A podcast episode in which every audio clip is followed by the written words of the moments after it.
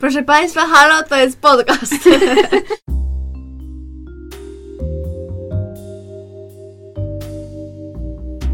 Witamy w bliskich spotkaniach szóstego stopnia. Podkaście o kulturze, ale głównie o zapomnianych, niezależnych i kultowych filmach.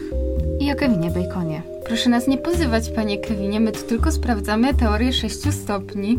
Prowadzące Justyna, Paulina oraz Gosia. Obdarzone wybitnym poczuciem humoru studentki kultury współczesnej, pasjonatki popkultury i fanki Harry'ego Pottera. A resztę dowiecie się z podcastu. W dzisiejszym odcinku e, kontynuujemy nasze, nasze lato z Kijanu i tym razem rozmawiamy, tak jak zresztą e, mogliście sami i mogłyście sami zobaczyć na naszej rozpisce letniej. E, dzisiaj rozmawiamy o moim własnym Idaho, po angielsku My Own Private Idaho, z 1991 roku w reżyserii Gasa Van Santa. E, który w pewnych częściach jest um, oparty na na czym? na, na trzech dramatach szekspirowskich Henryku IV, część pierwsza, druga i na Henryku V. Tak, no i a, ten film, tak w skrócie, opowiada o. Przepraszam, męskich... ale czy wy też macie ochotę teraz krzyknąć Timothy Chalamet? Call me by your name! Ja sobie w ogóle wyobraziłam, że trzech Henryków tak podpiera tą, ten film. Ajajaj, dziewczynki. No Dobra. Zero profesjonalizmu chciałam powiedzieć w tym podcaście. I dlatego go wszyscy kochamy. No ale tak, um, więc um, moje własne Idaho opowiada historię e, dwóch um, męskich prostytutek. Nie wiem, czy jak tak. Tak jest najładniejszy sposób opisania ich profesji. E, męskich eskort. e, I w każdym razie jeden z nich, to znaczy tak naprawdę taki główny, główny bohater jest, to jest Mike, którego gra e, River Phoenix oraz e, jego przyjaciel, którego gra Keanu Reeves i właśnie jakby ta część opowieści, która się skupia na Keanu Reevesie, znaczy jak on się nazywa? Scott, Scott na Scotcie, to jest, e, jest bardziej właśnie w stronę tego Szekspira i tego Henryka całego. A, a, a historia Majka jest trochę bardziej, a, znaczy nie, nie jest za bardzo związana jakby z samym Szekspirem, tylko e, tylko on jest postacią, która cierpi na narkolepsję, co utrudnia mu nieco pracę w zawodzie, ponieważ w stresujących sytuacjach zasypia niekontrolowanie i on w pewnym momencie właśnie wraz ze Scottem wyrusza, żeby y, znaleźć swoją matkę i no i ten wątek Scotta polega na tym, że on ma bogatego ojca i ma odziedziczyć fortunę. Więc tak naprawdę to, czym się zajmują u, u, każdego z nich jest trochę z innej przyczyny. Mm-hmm. U Scotta bardziej z wyboru, u Majka bardziej z przymusu. Mm-hmm. Tak.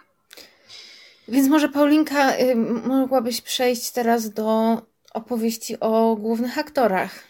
Tak, więc River Phoenix, który, który właśnie gra główną postać, jest, jest jakby dość ikoniczną postacią kina, ponieważ umarł w bardzo młodym wieku, e, w wieku 23 lat, dwa lata po, po nagraniu filmu w dość takich dramatycznych okolicznościach, to znaczy o tyle dramatycznych, że no, zaraz do tego przejdę.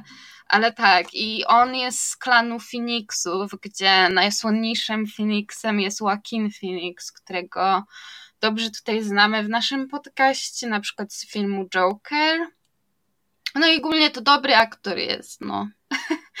um, tak, i, i ogólnie cała ta rodzina jest dość ciekawa, ponieważ ich początek jest taki, że ich rodzice, to znaczy jakby rodzice Phoenixowie byli um, byli takimi mocnymi hipisami i w pewnym momencie, kiedy już mieli trochę dzieci, to znaczy oni tak ogólnie dorastali w dość y, ubogich warunkach i w pewnym momencie y, z tymi, z tymi dziećmi jakby dołączyli do sektu, sektu?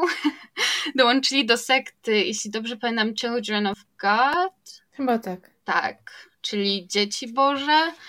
I, I właśnie w tej sekcie tam działali na różnych misjonarskich um, ekskapadach, że tak to nazwę.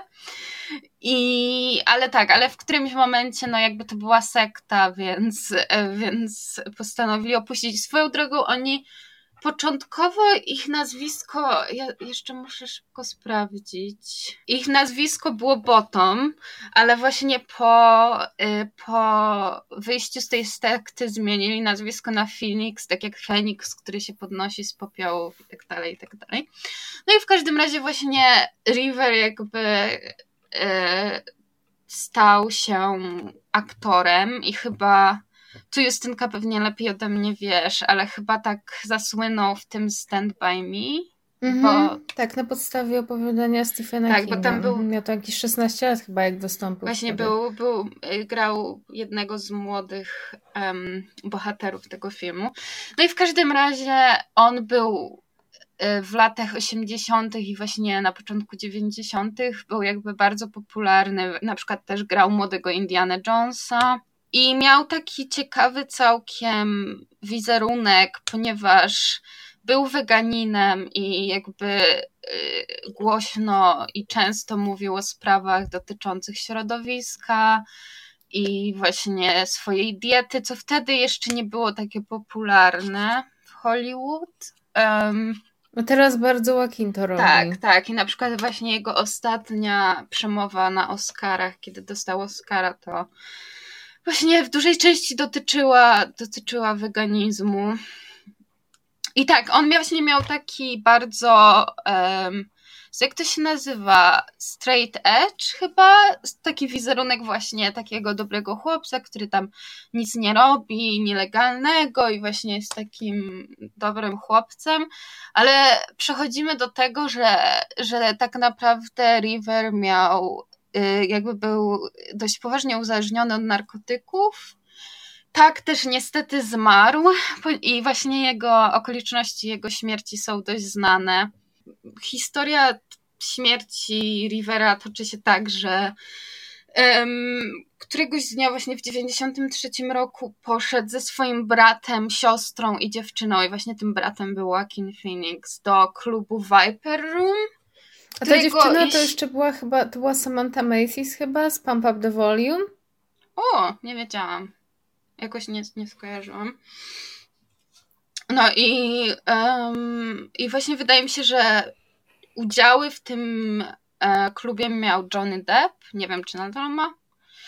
E, w każdym razie tam właśnie Johnny Depp się tam kręcił i grał i tam e, ludzie z Red Hot Chili Peppers i tak dalej.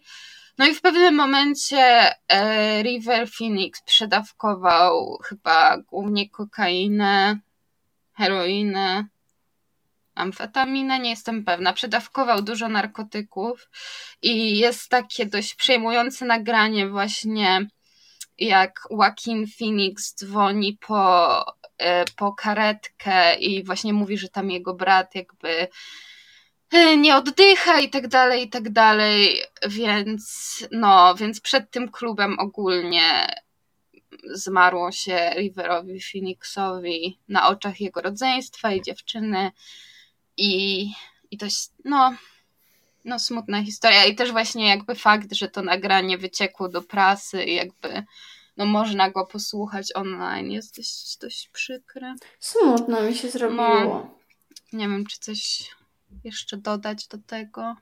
Znaczy ogólnie e, w ogóle River Phoenix hmm, on bardzo tak jest kojarzony właśnie chyba z Jamesem Deanem. Mhm. Nie, nie tylko ze względów e, takich e, aktorskich, co, co właśnie przez swoją młodą śmierć. Mm, Wegański bardzo, James Dean. No e, i I też wydaje mi się, że, te, że miał bardzo taką obiecującą karierę. Mhm. I też parę jakby takich jego projektów, w które e, miał być w przyszłości zaangażowany, to potem też trafiło na przykład do Leonardo DiCaprio i tak dalej. A na przykład Christian Slater mm. go w, w wywiadzie z wampirem zastąpił. Tak, tak, to prawda. No on pewnie podobnie by jego kariera do Keanu Reevesa po, przebiegła. No bo oni w sumie jakby tak mniej więcej na tym samym poziomie jakby, że tak powiem, się poruszali. No właśnie, bo, bo coś mówiłaś Gosia w ogóle jeszcze? E, tak, chciałam się zapytać, czy on był też muzykiem? No coś tam chyba pogrywał sobie. Tak, miał okay. jakiś zespół chyba, mhm, który wraz jakby rozpadł się wraz z jego śmiercią. Mhm. Mm, I co chciałam powiedzieć? A, jeszcze w przypadku mojego własnego Idaho, właśnie mamy rok 91. I też Keanu Reeves jest w takim dosyć ciekawym momencie swojej kariery, bo jest już po dwóch filmach serii Billy Ted. Zagrał jeszcze zresztą wcześniej z Riverem Phoenixem w filmie Kocham Cię na zabój, bodajże, bodajże tak brzmiało polski tytuł, też była taka komedia. Mm, I, I moje własne Idaho jest zupełnie innym filmem niż, niż do tej pory jakby Keanu Reeves. Um, jeszcze raz, jak to powiedzieć? Że jest zupełnie innym filmem niż takie, w której do tej pory grał, grał Keanu Reeves, nie? I jakby ten jego wizerunek właśnie z Billa i Teda, no tutaj, tutaj zupełnie no jest inny. A w następnym roku, już po Idaho, e, Keanu Reeves zagra w Drakuli Kopoli. Mm. I też ja mam wrażenie, że no wiadomo, że później są Matrixy i tak dalej. I ogólnie uważam, że to jest całkiem ciekawe, jak się tak prześledzi w ogóle karierę Keanu Reevesa, naszego bohatera cyklu, e, ponieważ mm, tak właściwie ta, ta outsiderka, którą omawiałyśmy w poprzednim odcinku, mm, to jest taki trochę renesans Keanu Reevesa, mm -hmm. już mam wrażenie. Bo on, y, że, i który się zaczął właściwie z pierwszym Johnny Wickiem. Ja mam wrażenie, że wcześniej Mm, gdzie on grał w filmach typu tam 47 Roninów i zresztą gdzie był jego debiut reżyserski, e, czyli film e, Men of Tai Chi. Ja nawet nie wiedziałam, że e, no, chyba nie za, to był jego za, film, a to był jego nie film. Nie za duży sukces to był.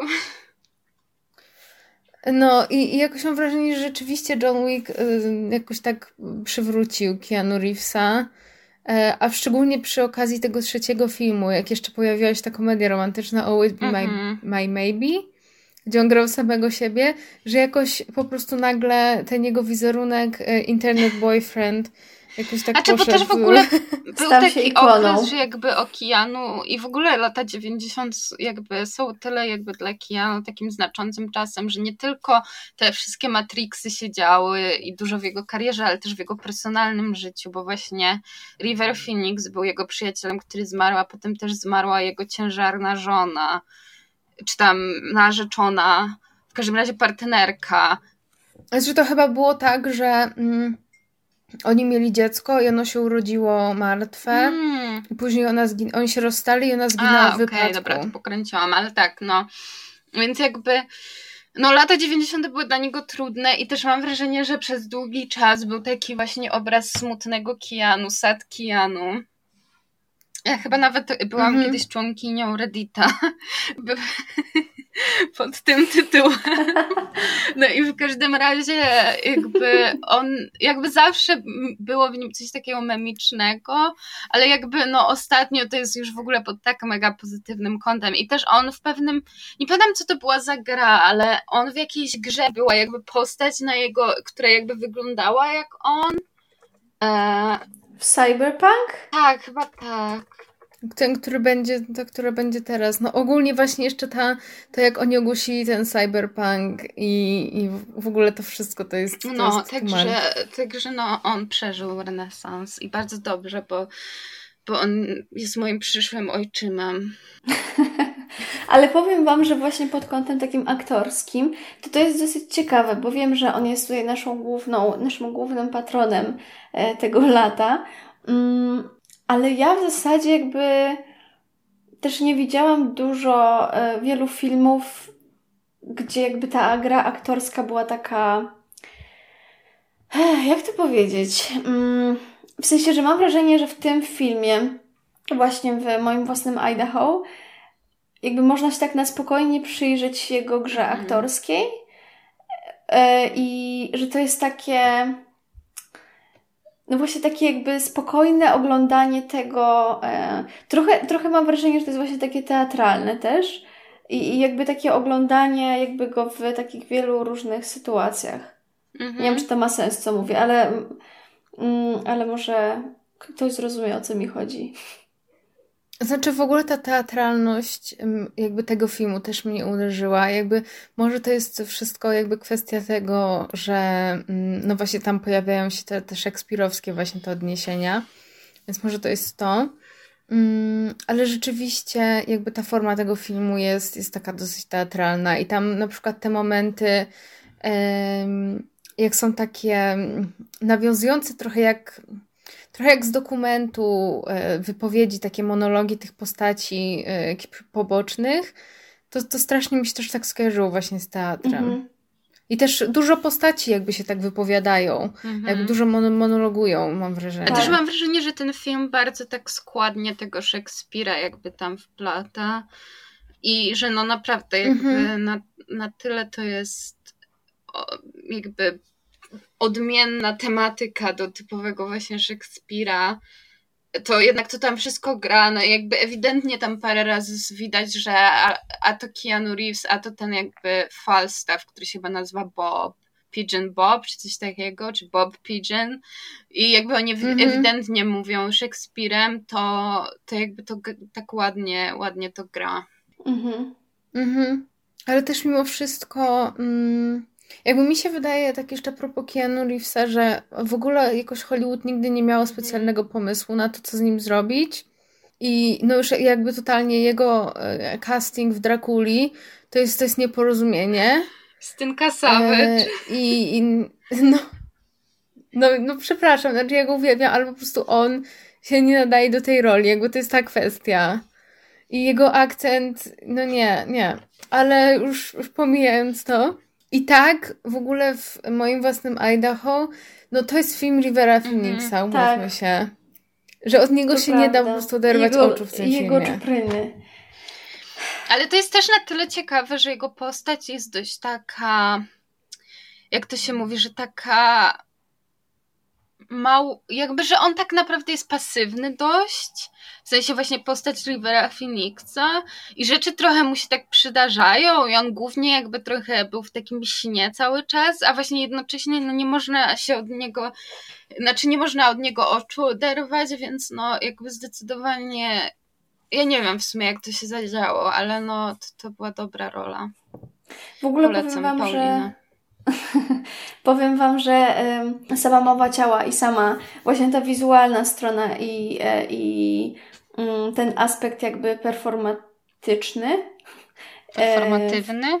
performatywny.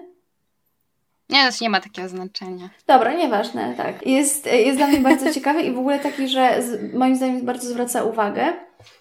Szczególnie jeśli chodzi o, e, o wyrażanie właśnie jakby swojej osobowości poprzez ruch, przez, e, przez właśnie postać graną przez Phoenixa.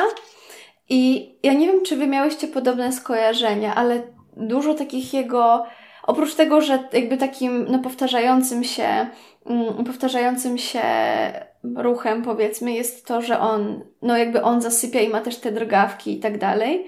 I to jest jakby taki refren w, w pewnym mhm. sensie, ale y, bardzo to jest ciekawe, że on jakby ogólnie dużo w ogóle, no to nie jest taniec, ale on jakby się tak dużo rusza, dużo się tak mhm. E, jakby wije i przemieszcza. I to jest dosyć ciekawe, bo mhm. e, jak, są, jak są często jakieś memy, czy, na, czy, czy jakieś na TikToku, um, um, czy jakieś na TikToku fragmenty, jak Elios, Call Me By Your Name, e, tak, wiecie, tak jakby robi taki slajd I mam wrażenie, że jakby jest coś takiego podobnego mm -hmm, w. No właśnie w tej takiej ruchowej, ruchowej sferze. I to, że w ogóle ona jest bardzo taka, taka pełna i bogata. Ale w ogóle jakby tutaj ten Timothy mi się tak jakby, że tak jakby on jest całkiem podobny tak w jakimś sensie fizycznie do, do Rivera Phoenixa, w sensie, tak. że jakby jest podobny typ takiego romantycznego chłopca. Mhm. Nie mhm. wiem, czy, czy to brzmi. Tak, i jakiejś takiej właśnie jakby wrażliwości, mhm. która jest bardzo taka. Mm, w sensie, że jakby on cały czas się też miota z tymi swoimi emocjami. I no tak, właśnie chyba to jest ta wrażliwość. Ale właśnie dla mnie jeszcze to jest jakby e, fajne, że ta wrażliwość tej postaci, czy w ogóle no jakby tego aktora, whatever, jakby, że ona tak przebija bo jakby dla mnie, znaczy nie wiem, może tylko ja mam takie odczucie, ale on właśnie jest taką bardzo pasywną postacią, która jakby trochę ją tak niesie ten strumień historii, mhm. nie wiem. A, a właśnie, ale jednocześnie on jakby no jest właśnie mega taki wrażliwy i, i taki mimo, że jego sama historia jest powiedzmy mniej właśnie dramatyczna, szekspirowsko niż, niż postaci Scotta, to, że właśnie jakby prawdziwy dramat tak naprawdę gdzieś tam się dzieje u niego. Tak, i że mimo właśnie e, jeszcze tylko tak szybko dopowiem, że mimo, że jakby to takie jakieś jego załamania i tak dalej są bardzo często widoczne jakby na ekranie, to w zasadzie on o tym jakby nie opowiada, co też jest właśnie dla mnie, dla mnie ciekawe w takim aspekcie, że, że jakby to wszystko jest takie jakby na zewnątrz. Mhm. Jakby na zewnątrz, a jednocześnie nie, bo jakby on wyraża to, to sobą, ale niekoniecznie, e, niekoniecznie o tym mówi. No właśnie wydaje mi się, że i River Phoenix i Timothy Chalamet że to gdzieś cały czas um, trochę styl y, gry aktorskiej spod znaku Jamesa Deana. Jednak mm -hmm. ja się będę tego tak trzymać, że właśnie tak. jest takie w ogóle wyrażanie jakby ciałem i swoich emocji i, i gesty no, są jakby niezwykle ważne tam u nich, ja mam wrażenie. Ale też y, ta wrażliwość, o której mówicie, to ja sobie zapisałam w notatkach o tym filmie słowo vulnerability, bo wydaje mi się, że słowo, polskie słowo wrażliwość do końca nie oddaje tego, jaki mhm. jest ten bohater, bo mm, wrażliwość to jedno, ale jeszcze pewnego rodzaju mm, podatność na. Mm, na bycie, jak to powiedzieć, zranionym, tak? I mhm, jakby, że tak, to się totalnie. też w, tym, w tym zamier- zawiera, nie? Ale to też jednocześnie jakby, ja myślę, że, że to jest bardzo dobry trop, w sensie, bo dla mnie też ta postać jest taka właśnie, mimo że właśnie jest jest podatny na, na to zranienie i tak dalej, to jednocześnie on jakby też ze względu na swoją czy historię, czy jakby profesję, jakby, że, że jakby widać, że stara się jakoś taki mur postawić, ale że on nie działa.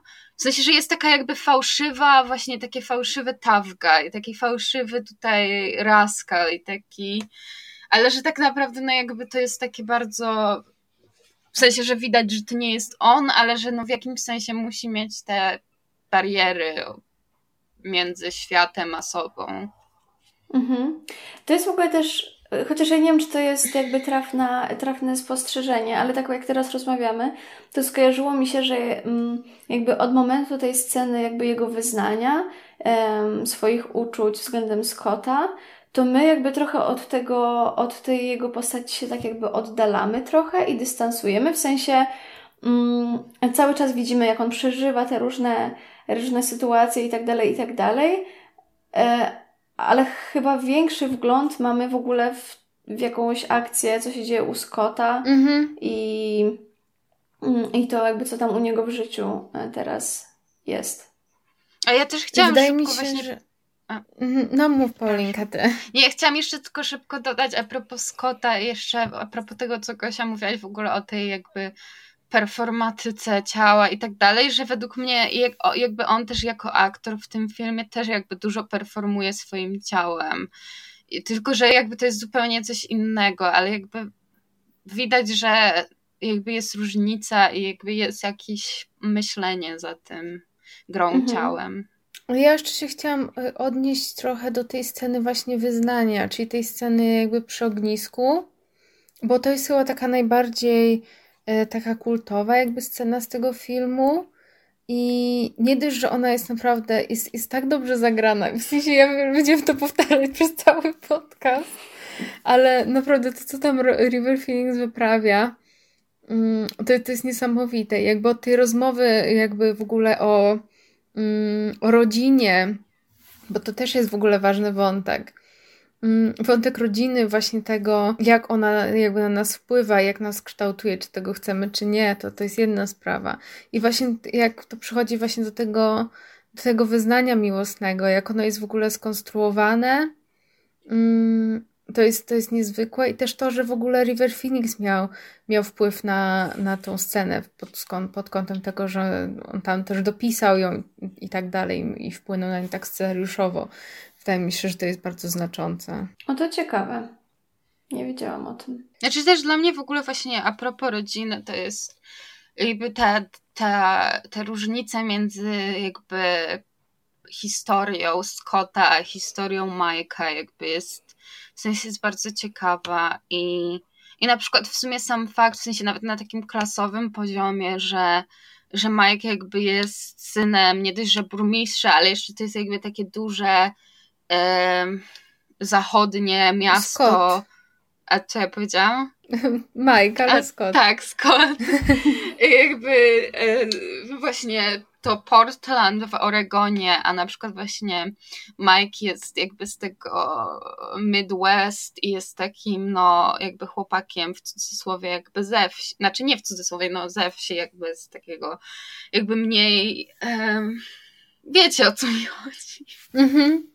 No i w każdym razie jakby to jest też ciekawe właśnie jak ich tak naprawdę historia, w sensie taka nawet przed tym, co my widzimy, ale jakby, że doprowadziła ich do tego samego miejsca, ale jakby też zupełnie inaczej ich ukształtowała i jakby mimo, że no, są w tym samym miejscu, no to jakby jeden właśnie jakby jest pewny siebie, właśnie Scott jest jakby tym, tym Henrykiem i, i ma jakąś przyszłość i, i, i jakby jest w stanie się trochę obronić przed tym światem ulicy, a z kolei Mike no jakby totalnie na odwrót, więc no to też jest jakby ciekawe.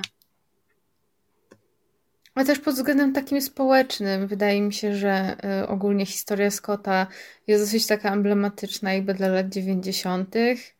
i tego pokolenia, bo to wtedy chyba takie mm, Yapi Gen X i tak dalej, to jakoś mam wrażenie, że to wtedy też było dosyć znaczące. Ale równocześnie jakby wtedy chyba też, znaczy bo to, to chyba też jakby trochę później, ale że to takie pokolenie slackerów też jakby się wyłoniło mm-hmm. w stylu Kevin Smith i jakby tam Jay and Silent Bob i tak dalej.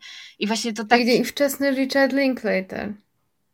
Tak, Też zgadzam się. Jego, jego film Slacker. No, no ja nie, nie, nie wiem, nie, nie znam tego niestety, ale właśnie jakby też takie, właśnie trochę mimo, że jakby Majka bym nie, jakby nie porównywała do tych jakby slackerów, to on jest trochę takim pre-slackerem, w sensie, bo jest taki, właśnie trochę jakby tak go niesie prąd i on jakby mało jest aktywny, ale no jakby zdecydowanie tam gdzieś tam bardziej ten jego romantyzm jest, jest obecny. Nie wiem sama o czym mówię, dziewczynki.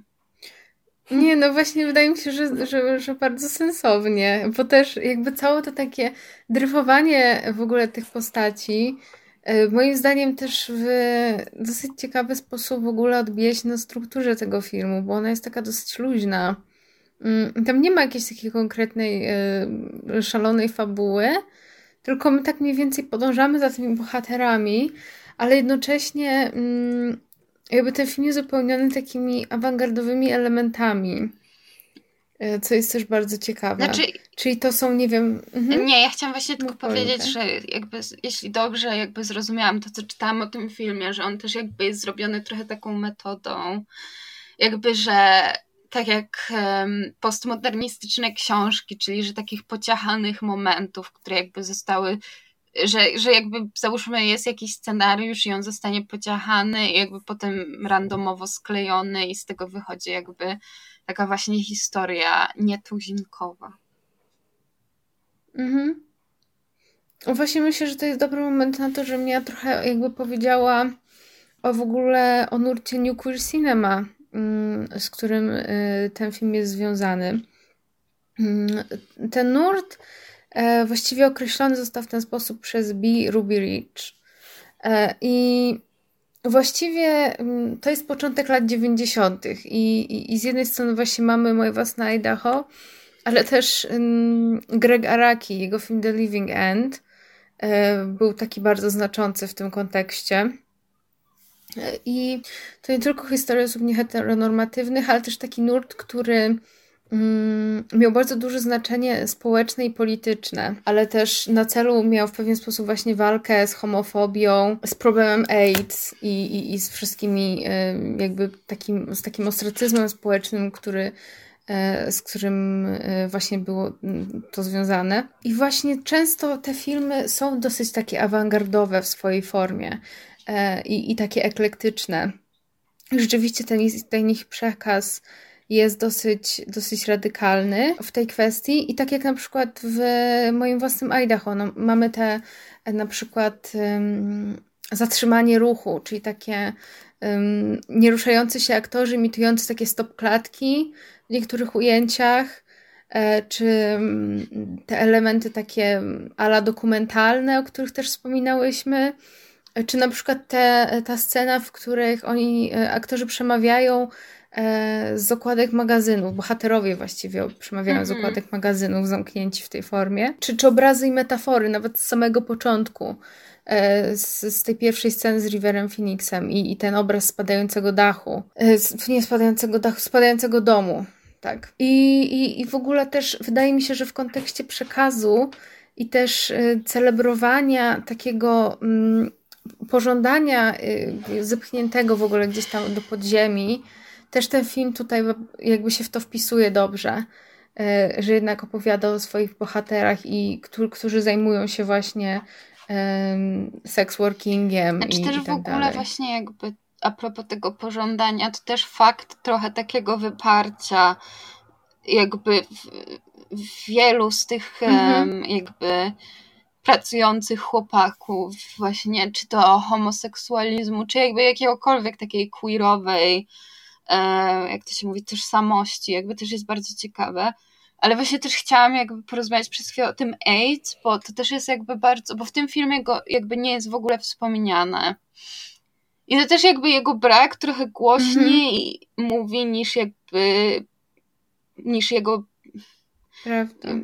jego bycie by mówiło, w sensie, że, że mhm. właśnie, no zwłaszcza jakby po latach 80., jakby to są jeszcze no bardzo wczesne 90., właśnie to też jest ciekawe, że jakby to AIDS nie jest wspomniane. Ja też z tego, co jak potem o tym w ogóle mówiła, znaczy czytałam, to tam ktoś właśnie wspominał o tym, że tam chyba przez chwilę się pojawia prezerwatywa czy coś w tym stylu, no ale że właśnie jakby, że, że ten wątek w ogóle nie jest poruszany i, i według mnie to też w pewnym sensie jest taka subwersja tego, że jakby queerowe kino musi zawsze poruszać ten wątek. -hmm. Aczkolwiek to jest tylko jakaś taka, nie wiem, teza.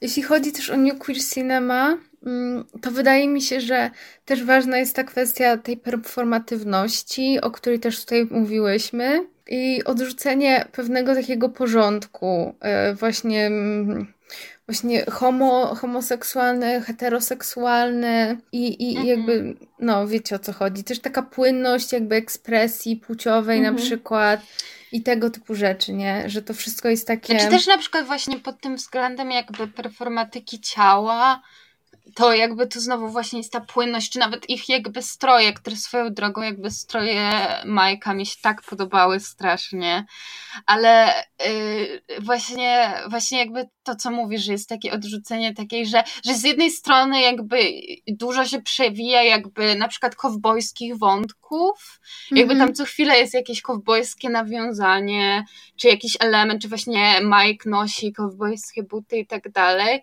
I to z jednej strony jest taka hiper, jakby hypermasculine, nie wiem, hipermęska, jakaś ikona, a z drugiej strony no jakby też często kowboje jakby są tak queerowo dość kojarzeni i nawet mi się to jeszcze kojarzy. Był taki film Midnight Cowboy z Johnem Voigtem mm -hmm. i Dustinem Hoffmanem. który kiedyś w ogóle przez przypadek obejrzałam w kinie, ale to jest inna historia. Więc właśnie jakby to też jest, to też jest ciekawe. I ta obruszka Keanu Reevesa, nie zapominajmy o niej. No. Z gołą klatą i skórą. Ale w ogóle te stylóweczki tam są tak dobre, że ja po prostu no. siedziałam i... No, no, ja chciałam tylko jeszcze tak y, trochę kończąc ten, ten wątek New Queer Cinema powiedzieć jeszcze, że y, tam ten taki y, te wątki takie bardziej już intersekcjonalne są też jakby istotne dosyć. I jakby też mm, to, co się pojawia w historii Scotta na przykład, że mamy już tutaj też takie wątki klasowe i tak dalej, że, że to również jest, jest istotne i ciekawe. I właśnie chciałam polecić przy okazji jeszcze w ogóle film The Living End, mm, bo to też jest historia dwóch takich drifterów, e, u których e, zdiagnozowano AIDS. I to jest, to jest w ogóle świetny film i też jest właśnie taki awangardowy dosyć w swojej formie. I trochę jak właśnie moje własne Idaho ma w sobie elementy kina drogi. Mm, I myślę, że jeżeli właśnie moje własne Idaho Wam się podobało, to The Living End e, no jak najbardziej warto zobaczyć. Ja mam tylko dwie, dwa takie przemyślenia jeszcze. E, już jakby odchodząc trochę od, um, od New Queer Cinema. Um, pierwsze jest takie. Czekajcie, bo zapomniałam. To wszystko przeze mnie. Nie, nie, nie, wiem już wszystko. Pierwsze jest takie, że w ogóle e, oglądając właśnie stwierdziłam, że mamy, e, że mamy ciekawą, e, że jakby robi się nam taki ciekawy pattern w tym letnim podcaście, że omawiamy takie outsiderskie, e, że jakby główni, bohater, główni bohaterzy są e, bohaterowie, lol, główni bohaterowie są, są outsiderami bądź outsiderkami. Mm, I tak, i to jest jedna rzecz. Bardzo to jest odkrywcze, ale chciałam to powiedzieć. Ale to jest właśnie dobre, dobre w ogóle w kontekście Gasa Van Santa, bo ja mam wrażenie, że to też jest jakiś taki motyw w A jego właśnie... filmach. Bo jak sobie przypomnieć na przykład, nie wiem, buntownika z wyboru, to tam też jest taki motyw, mhm. prawda? I, i Właśnie ja się no, miałam zapytać tyle. Was, um, co, co widziałyście jego jeszcze? Ja w sumie mnóstwo jego filmów. Ja... O jego ostatni film mhm. był w 2018 mhm. roku yy, i to było Bez obaw daleko nie zajdzie. Don't worry, he won't get far on foot. Ale mi się ten film nie podobał. Ja zaczęłam oglądać ten film, ale się znudziłam. Mhm, to był trudny sens. E, jeszcze widziałam, on napisał e, The Sea of Trees z Matthew McConaughey i Naomi Watts. Zrobił ten film, tak, jest fatalny. I mi się strasznie podobał trailer, a strasznie się zawiodłam na tym filmie. To jest Ale przy... chyba najgorzej przyjęty jego film. No, nie dziwię się. 11% na Rotten Tomatoes. Mhm. Jeszcze oglądałam jego Elefant, który był jakby zrobiony o tej masakrze w Columbine. E, I jeszcze, no oczywiście to Good Will Hunting i To Die For z Nicole Kidman, Joaquinem Phoenixem i tam chyba jeszcze Casey Affleck był i Matt Dillon, także to, to, to był bardzo dobry film, bo był taki e, komentarzem na temat tele... To był trochę taki... Oglądałyście ten film z Jake'em Gyllenhaalem Nightcrawler? Nightcrawler? Mhm.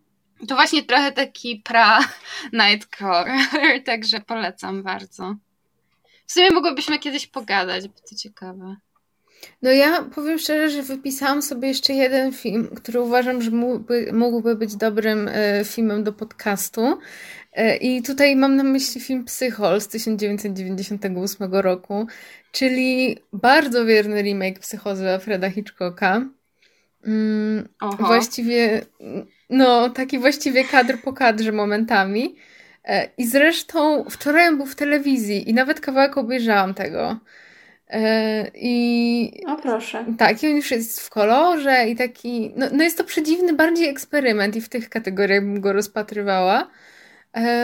Ale może myślę, że, że takie skonfrontowanie z ruiną mogło być dobrym Ale to odcinkiem. trochę jak ten film Jamesa Franco, o, jakby, który jest jakby przeimaginowanym My Own Private Idaho, że tam chyba My Own Private River się nazywa i my nie wiemy co to jest, ale jest.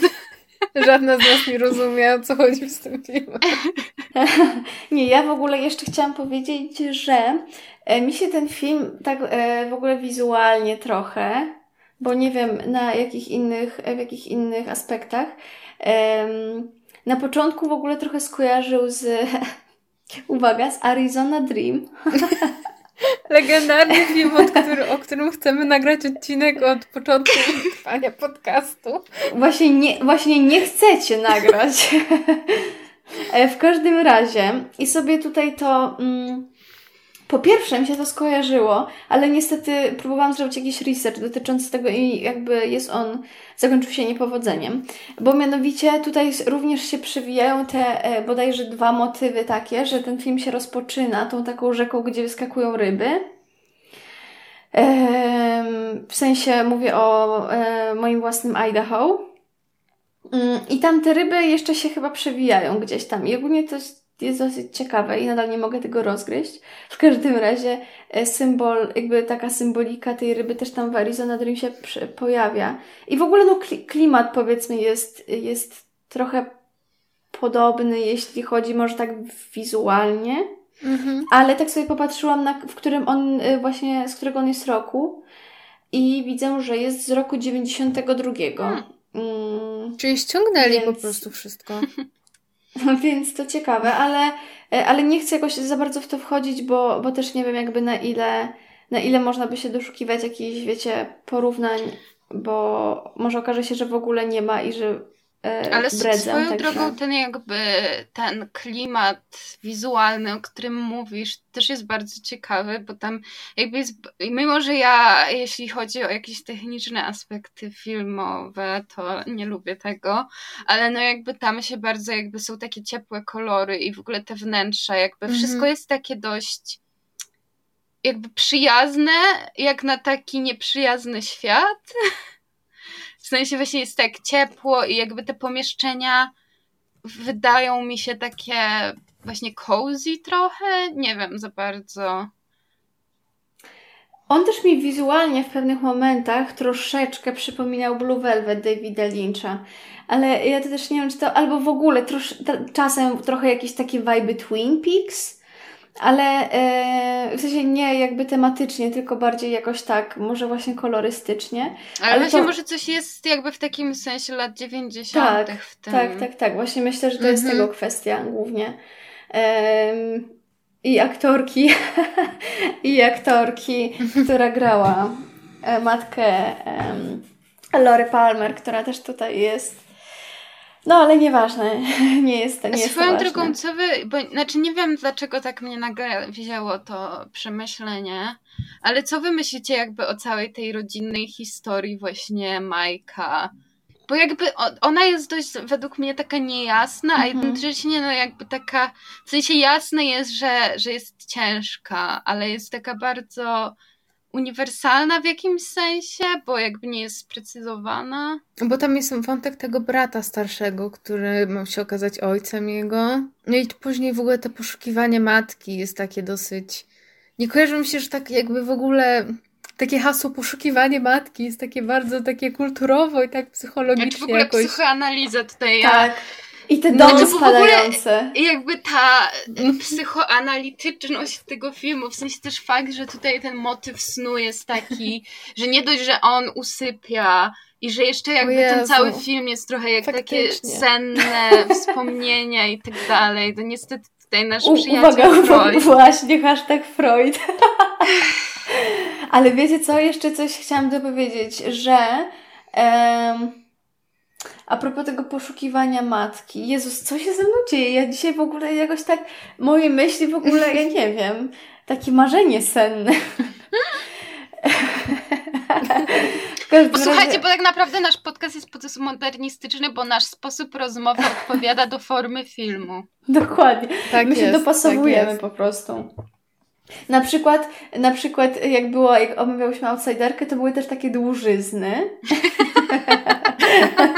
nie, nie, żartuję. Akurat ten podcast był taki zwarty. No ale dobra, nieważne. W każdym razie chciałam powiedzieć, że poszukiwania matki, że wiem, że ym, to jest dosyć ciekawe, bo no właśnie we wszystkich opisach i tak dalej, no to taka najprostsza, najprostszy opis fabuły zawierał właśnie ten, to poszukiwanie matki. Aczkolwiek ja mam wrażenie, że w pewnym momencie jakby to w ogóle nie jest y, żaden nasz cel. W sensie to bardziej jest mhm. po prostu jakby jakaś taka jego podróż z, ze wspomnieniami, z różnymi emocjami, które trochę też korelują z jego uczuciami do Scotta. Ale to nie jest jakby w ogóle podróż o, o poszukiwaniu matki. Znaczy w ogóle też to poszukiwanie matki tak naprawdę, w sensie się dobrze pamiętam, to jakby chyba dopiero po jakiejś godzinie się jakby rozpoczyna, więc to też mm, jakby no. pierwsza połowa filmu absolutnie o tym nie jest. I to też nie jest jakoś, jak ja, bo ja widziałam ten film wcześniej, jak ja wspominam ten film, to nie myślę o historii poszukiwania matki, tylko jakby nie na to się zwraca uwagę. Tak, ale ja mam tak no, tak samo, no. To prawda. Szczególnie, że w ogóle tam na końcu jakby mam wrażenie, że bardziej to już się zaczyna skupiać na, na Skocie, mm -hmm. prawda? I w ogóle ta, ta scena już y, pogrzebowa y, i tych dwóch pogrzebów gdzieś tam zestawionych i tego, że Scott jakby cały czas y, gdzieś Mike i, i reszta jego znajomych jakby im towarzyszy, tak? Mm -hmm. I w ogóle to, że to jest takie bardzo, były takie hipisowskie, nie mam takiego wrażenia. Tak, ale mi to się... Jakby cały ten pogrzeb. Tak, ale mi to się w ogóle też skojarzyło, jakby ta cała ich taka, to takie community. E, mi się mm. ba mhm. bardzo to właśnie skojarzyło z całym tym środowiskiem mm, wogingu i tymi domami też, którym mm -hmm. jakby i to, że masz rodzinę jakby um, z wyboru w pewnym sensie. I, i mhm. też, że jakby właśnie tworzysz taką, taką społeczność, no bo oni i mieszkają w tym domu i, i jakby właśnie mm, świętują, bądź e, no tutaj jest akurat pogrzeb, ale jakby przeżywają mm, te wszystkie rzeczy jakby, jakby razem. Ale też na przykład w ogóle właśnie teraz jak mówicie, to też mi się tak trochę jakby prze, przebłyskiem skojarzyło z Her Milosza Formana. I ogólnie też jakby sobie zaczęłam tak myśleć, że w ogóle właśnie taki wątek jakby takich bez, znaczy no nie do końca bezdomnych, ale właśnie takiej outsiderskiej komuny. Takiej I... wykorzenionej ogólnie. Tak, jakby. i to mhm. właśnie jakby też trochę jakby mam wrażenie, że to jest też ciekawy taki nurt jakby post lat 60. i w ogóle. I że to, to właśnie też jest takie. No nie wiem nawet co, do czego prowadzi moja głęboka myśl, ale że jakoś mi się to wszystko tak składa. I na przykład właśnie też taki wątek, że jakby no na przykład postać Majka, która jest z tego Idaho i który przyjeżdża do jakiegoś tam większego miasta i tak dalej. Mm -hmm. Jakby to też jest taka dość znacząca, jakby jakaś taka czy na, to właśnie znowu jakby na przykład wraca do tego mojego Midnight Cowboy, gdzie tam też jest właśnie dosłownie cowboy, który przyjeżdża do wielkiego miasta i jakby chce pozostawić swój znak i tak dalej, więc jakiś taki American Dream, tylko taki disillusioned się gdzieś przewija. Arizona Dream. A swoją drogą to też jeszcze chciałam powiedzieć, że w ogóle ja wam tutaj pokażę Jakiś czas temu czytałam taką super książkę Paul Takes the Form of a Mortal, Mortal Girl i to jest właśnie taka książka, która wykorzystuje jakby queerową teorię w jakby fikcji i jakby opowiada historię e, geja, który może zmieniać swoje ciało dowolnie w latach 90., który właśnie jest z jakiegoś takiego Midwestu, który podróżuje do San Francisco, gdzie tam wiecie, to jakby jest taka mekka jakby tej queerowej społeczności i właśnie tam jakby też ten wątek takiego jakby geja, czy właśnie queerowej osoby, która po, pochodzi z takich peryferiów i trafia do wielkiego miasta, to też jest jakby ciekawa, mam wrażenie ciekawa kwestia w ogóle właśnie w takiej queerowej sztuce. Tak, i też moim zdaniem w ogóle w kontekście tego filmu to jest ciekawe, że jakby nie wychodzimy spoza tej queerowej narracji, ani w ogóle spoza takiej tej społecznej narracji, w sensie, że jakby w żadnym momencie na tą grupę nie patrzymy jakby z góry. E, z, tak, ale jakby też z drugiej strony. W sensie są momenty, kiedy jest um, kiedy jest ta rozmowa Scotta z jego ojcem, albo kiedy przychodzą policjanci do tego domu. Mm, ale jakby wciąż to nie jest, e, mam wrażenie, że albo chociażby ta scena, e, jakby już w restauracji, tak?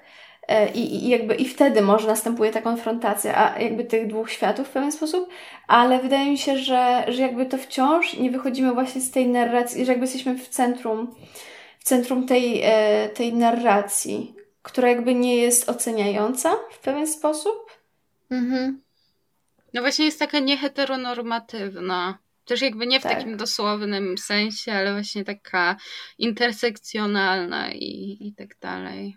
Mhm. Właśnie myślę, że w ogóle to jest ważne, że ona jest po prostu z wewnątrz, tak, a nie tak, z tak. zewnątrz. Tak. I też sam fakt tego, że, że wyreżyserował to Gaz Van Sant, który sam jest y, gejem, to jest jakby ważne dosyć, wydaje mi się. Tak. Amen. Właśnie tutaj też na przykład jakby to jest ciekawe, że znaczy w ogóle queerowa teoria się zajmuje jakby tym, znaczy jakby no to jest takie oczywiste, że się zajmuje tym filmem, ale też właśnie tutaj dużo osób się wypowiadało na temat właśnie tej postaci Majka i że on jest takim e, queerowym trash i że to jest jednak jakaś tam inna perspektywa, wydaje mi się, niż tak jak na przykład większość chyba queerowych historii, zwłaszcza na przykład w latach 80. się obracała wokół AIDS i jakby tej problematyki, to tutaj jakby jest taki kolejny jakiś bohater. Nie wiem, do czego ta, to, ta myśl nawiązywała, ale ją wypowiedziałam. I nikt mi tego nie odbierze. Nie, nie, bardzo dobrze. Bardzo się tutaj dobrze wpasowała. No nie, powiem Wam, że tak to, to będzie takie z, to będzie zdanie z pokroju um, przeżyć y, moich dotyczących tego filmu, że, że bardzo mi się, że bardzo mi się on podobał i w ogóle, że jest też taki mocno w pewien sposób imersyjny, w sensie mhm. Mm, no tak, chyba nie, nie, nie ma tego co, co rozwijać, ale, ale też w ogóle muszę znaleźć ten kadr, bo jest mm, jeden taki super kadr, kiedy, i on jest tak w miarę na początku filmu, kiedy jakby tak kamera najeżdża z góry yy, i, i właśnie stoi bodajże trzech, yy, trzech chłopaków, którzy jakby czekają na klientów. Jakby ona jest, nie wiem, po prostu jakoś tak mi zapadła mi w pamięć i, i jest jakoś tak dobrze w ogóle ustawiona. No i tak się chciałam po prostu tym podzielić. Jak już ostateczne myśli dodają, to chciałam tylko powiedzieć, że, że właśnie mimo, że to jest film Rivera Phoenixa, to, to Keanu Reeves jakby jest super w tym filmie i, i w ogóle ten film jakby mimo, że to jest taka -hmm. ciężka tematyka i tak naprawdę jak ja wspominam ten film, to raczej właśnie tak, że no to nie jest film na jakby, nie wiem, słoneczny dzień, to że jednocześnie właśnie nie dość, że ta stylistyka jest taka ciepła, to jakby te postaci są w sensie na tyle jakby przyjazne, nie wiem jak to powiedzieć, takie miłe, nie wiem, w sensie takie wzbudzające jakby mhm. współczucie mhm. i empatię, że, że jakby oglądanie tego filmu to nie jest jeden wielki dół, tylko jakby po fakcie trochę masz takie, że to jest smutna historia, ale jakby ta, ta społeczność, która tam wychodzi z tego i to jest trochę też jakby, coś to mi się tak trochę kojarzy, że queerowa społeczność trochę taka jest, że mimo, że jakby przechodzi przez wiele ciężkich rzeczy, to, to że na koniec, jakby koniec końców to jest jakaś społeczność, jakaś tam jakby wspierająca się mhm. community. Tak, ale właśnie ja jeszcze mam taką też myśl do tego, co mówisz, Paulinka, że mam wrażenie, że ten film bardzo dobrze robi coś takiego. Mm, że e, jakby przedstawia takie sektory społeczne czy miejsca społeczne, które tak bardzo stereotypowo kojarzą się tak jakoś, no nie wiem, jakoś tak niebezpiecznie, albo tak wiecie, bardzo. No, chyba, no tak, właśnie tak stereotypowo tak niebezpiecznie i jakoś tak wrogo, a mam wrażenie, że czy widzimy nawet właśnie tą, to, to, to jakby całą społeczność, E, I jakby każde to miejsce jest jakby w pewien sposób mhm. przyjazne, nawet jeśli tam są i narkotyki i tak dalej, i tak dalej. Ale to jest jakieś takie, no nie wiem, to jest jakieś takie uczucie Ale jakby właśnie też te, jakby sposób. ci ci chłopacy, którzy siebie wspierają nawzajem i tego Majka, jakby jak on, jak on ma tą narkolepsję, czy, czy nawet jakby te relacje z Bobem i jakby no wiadomo, że jakby w, pod podszewką jakby tego wszystkiego no jest jakby mrok tego życia i narkotyków i tak dalej, to właśnie, że mimo wszystko jakby tak jak mówisz Gosia, że, że to jest taka przyjazna tak naprawdę jakaś, nie wiem, Mhm. No myślę, że to też się sprowadza do tego, że po prostu reżyser i przez to też my jakby w taki bardzo no, podmiotowy i empatyczny sposób w ogóle um, odbieramy tych bohaterów, tak? Bo, bo on też takich pokazuje. Mhm. Czy to już jest koniec?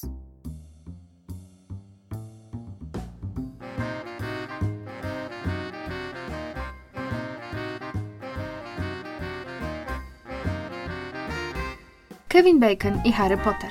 W każdym odcinku sprawdzamy teorię 6 stopni Kevina Bacona, zwaną również liczbą Bacona, według której aktor jest centralną postacią w Hollywood i można go połączyć z każdym innym aktorem poprzez maksymalnie 6 stopni. Oprócz tego, w każdym filmie szukamy nawiązań i połączeń z sagą J.K. Rowling o przygodach pewnego młodego czarodzieja.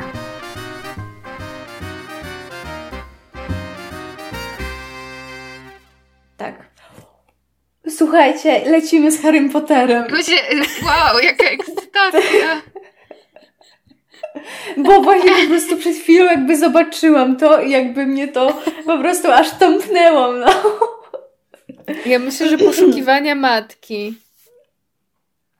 E, tak, i ja chciałam powiedzieć tutaj Syriusz i Lupin. O.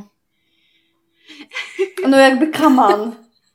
Nawet włosy pasują. Dobre, ej, no i faktycznie i Syriusz taki bardziej bad boy, a Lupin taki delikatny.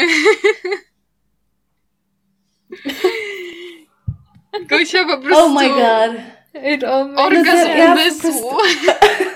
Ja... I z bogatej rodziny. I Syriusz z bogatej rodziny. Pamiętajcie o tym.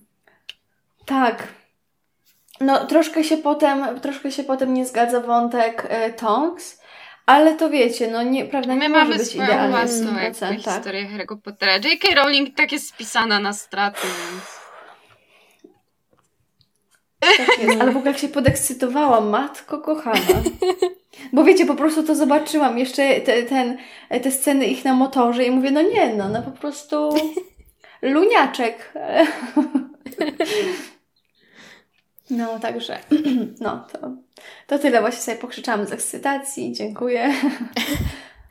Także słuchajcie, napiszcie nam maila na, na prosto już do rzeczy na 6 cyferką kropeczka stopnia małpa gmail kropeczka com.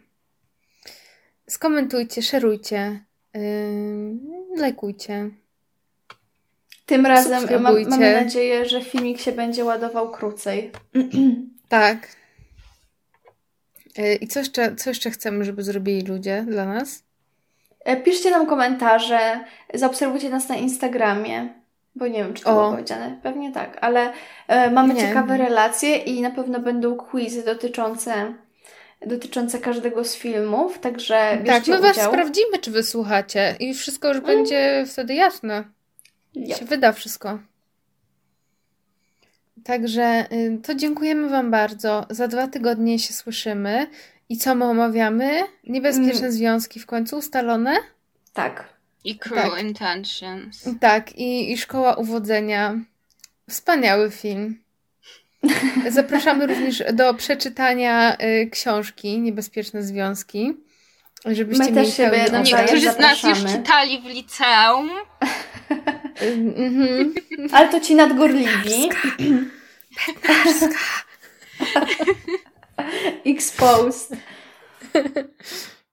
Także to papa, pa. mówiła do Was Justyna, Paulina oraz Gosia. Pa! Bye, bye.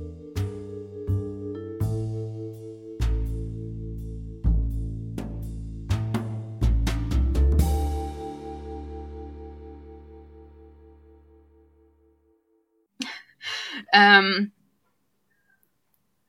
Justynka, twoja minka mnie rozwaliła. Nie, bo y, strąciłam nogą korek. I zastanawiam się, czy to słychać, ale pewnie było. No tak, dobra, w każdym razie właśnie tak. E, więc, e, więc